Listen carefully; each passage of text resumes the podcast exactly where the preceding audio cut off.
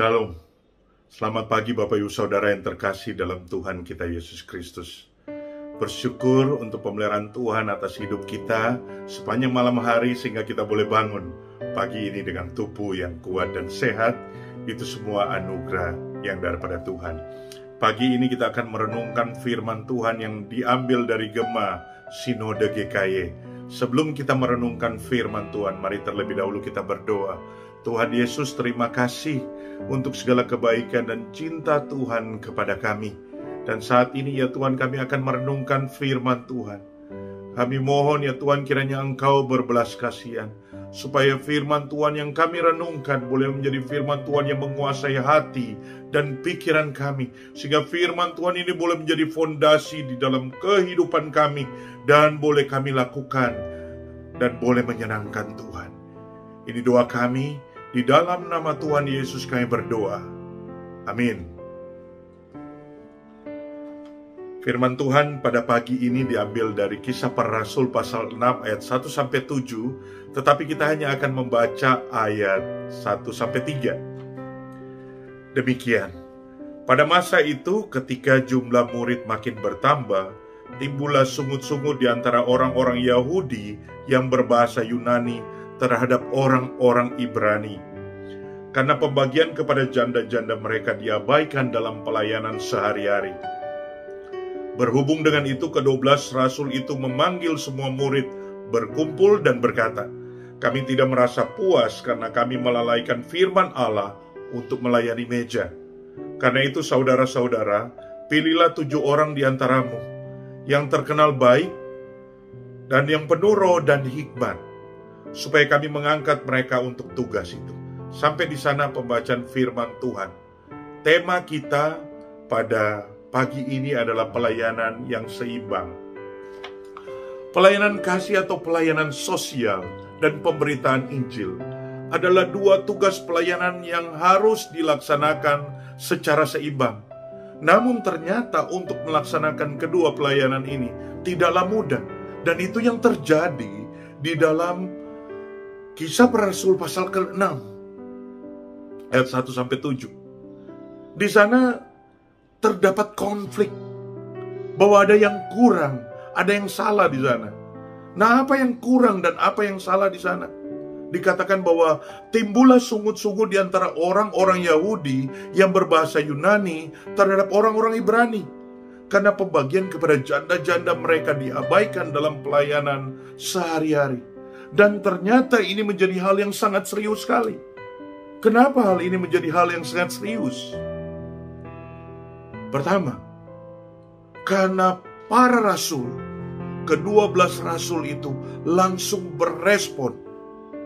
Mereka berespon secara langsung. Bersama-sama. Mereka tidak mengutus hanya satu rasul saja. Tetapi kedua belas rasul bersama-sama memanggil, mengumpulkan semua murid dan berkata kepada mereka, kami tidak merasa puas karena kami melalaikan firman Allah untuk melayani meja. Yang kedua, kenapa ini menjadi sangat serius? Karena kedua belas rasul langsung berkata kepada murid-murid yang berkumpul pada saat itu, kamu harus memilih tujuh orang. Bukan satu, tetapi tujuh orang. Dan yang ketiga, orang-orang itu yang tujuh orang itu harus punya kriteria yang khusus. Apa kriteria mereka? Pertama, mereka harus terkenal baik. Yang kedua, mereka harus penuh roh. Dan yang ketiga, mereka harus penuh hikmat. Ini sesuatu yang luar biasa sekali. Mengapa para rasul itu begitu concern Karena para rasul melihat bahwa pelayanan doa dan firman Tuhan tidak bisa dipisahkan dengan pelayanan meja atau pelayanan kasih. Karena kedua hal ini adalah merupakan satu kesatuan yang tidak terpisahkan. Karena kedua hal ini merupakan kehendak Allah yang sama-sama penting. Yang satu tidak boleh dilupakan dan yang lain tidak boleh diabaikan. Di dalam Matius pasalnya yang ke-22 ayat 37 sampai 40, Tuhan Yesus berkata, Kasihlah Tuhan Allahmu dengan segenap hatimu, dengan segenap jiwamu, dan dengan segenap akal budimu. Itu adalah hukum yang terutama dan yang pertama. Dan yang hukum yang kedua yang sama dengan itu ialah kasihlah sesamamu manusia seperti dirimu sendiri. Pada kedua hukum inilah tergantung seluruh hukum Taurat dan kitab para nabi. Apa yang mau dikatakan di dalam bagian ini? Bahwa inti dari firman dalam Taurat dan nabi adalah kasih. Firman Allah intinya adalah kasih. Itulah sebabnya para rasul berkata, kami tidak merasa puas karena kami melalaikan firman Allah.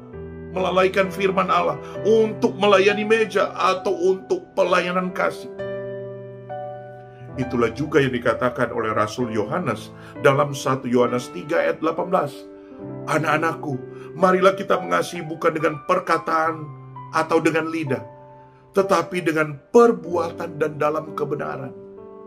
Rasul Yohanes melihat bahwa pelayanan kasih itu merupakan wujud dari suatu pelayanan firman, wujud nyata daripada pelayanan firman. Kita tidak hanya bisa menyampaikan suatu kebenaran, firman dengan kata-kata yang indah, yang mempesona, tetapi kita mengabaikan perbuatan kasih dan pelayanan kasih. Itulah sebabnya para rasul dengan sangat konsen terhadap pelayanan kasih ini. Mereka itu harus memilih orang, tujuh orang itu. Supaya pelayanan kasih ini tidak diabaikan. Dan menarik sekali, ketika keduanya dikerjakan dengan baik, maka firman Tuhan berkata dalam kisah para rasul 6 ayat 7. Firman Allah makin tersebar dan jumlah murid di Yerusalem makin bertambah banyak. Juga sejumlah besar imam menyerahkan diri dan menjadi percaya. Ini suatu luar biasa sekali. Ketika dikerjakan dengan seimbang, Tuhan memberkati. Hari ini GKY merayakan ulang tahun yang ke-76. Selama 76 tahun, Tuhan memberkati GKY dan GKY itu melaksanakan pelayanan bukan hanya pelayanan firman saja, bukan hanya pelayanan firman dan doa, tetapi juga pelayanan sosial atau pelayanan kasih ini. Itulah sebabnya kita melihat bagaimana kondisi gereja GKY saat ini, di mana diberkati oleh Tuhan yang dengan luar biasa karena GKY menjalankan pelayanan kasih ini menjadi bagian yang tidak terpisahkan bahkan melekat di dalam misi sinode GKI. Dan kita bisa melihat bagaimana Tuhan memberkati gereja GKI bisa berkembang dengan luar biasa sampai pada saat ini. Karena gereja GKI berusaha menyeimbangkan pelayanan firman dan doa dan pelayanan kasih kepada orang-orang yang membutuhkan. Mari kita belajar menyeimbangkan kedua pelayanan ini, bahwa satu tidak boleh dilupakan dan yang lain tidak boleh diabaikan.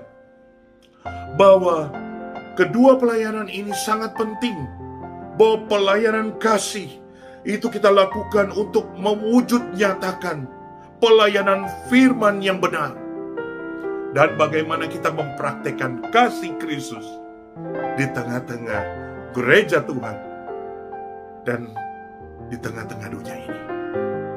Amin. Mari kita berdoa. Tuhan Yesus, terima kasih untuk firman Tuhan. Biarlah firman Tuhan ini boleh menjadi berkat bagi gereja Tuhan, bagi jemaat Tuhan, untuk kami boleh menjadi saksi firman dan kasih di dalam pelayanan hidup kami. Di dalam nama Tuhan Yesus kami berdoa. Amin. Tetap semangat, tetap sehat, tetap percaya. Tuhan Yesus memberkati kita semua. Amin.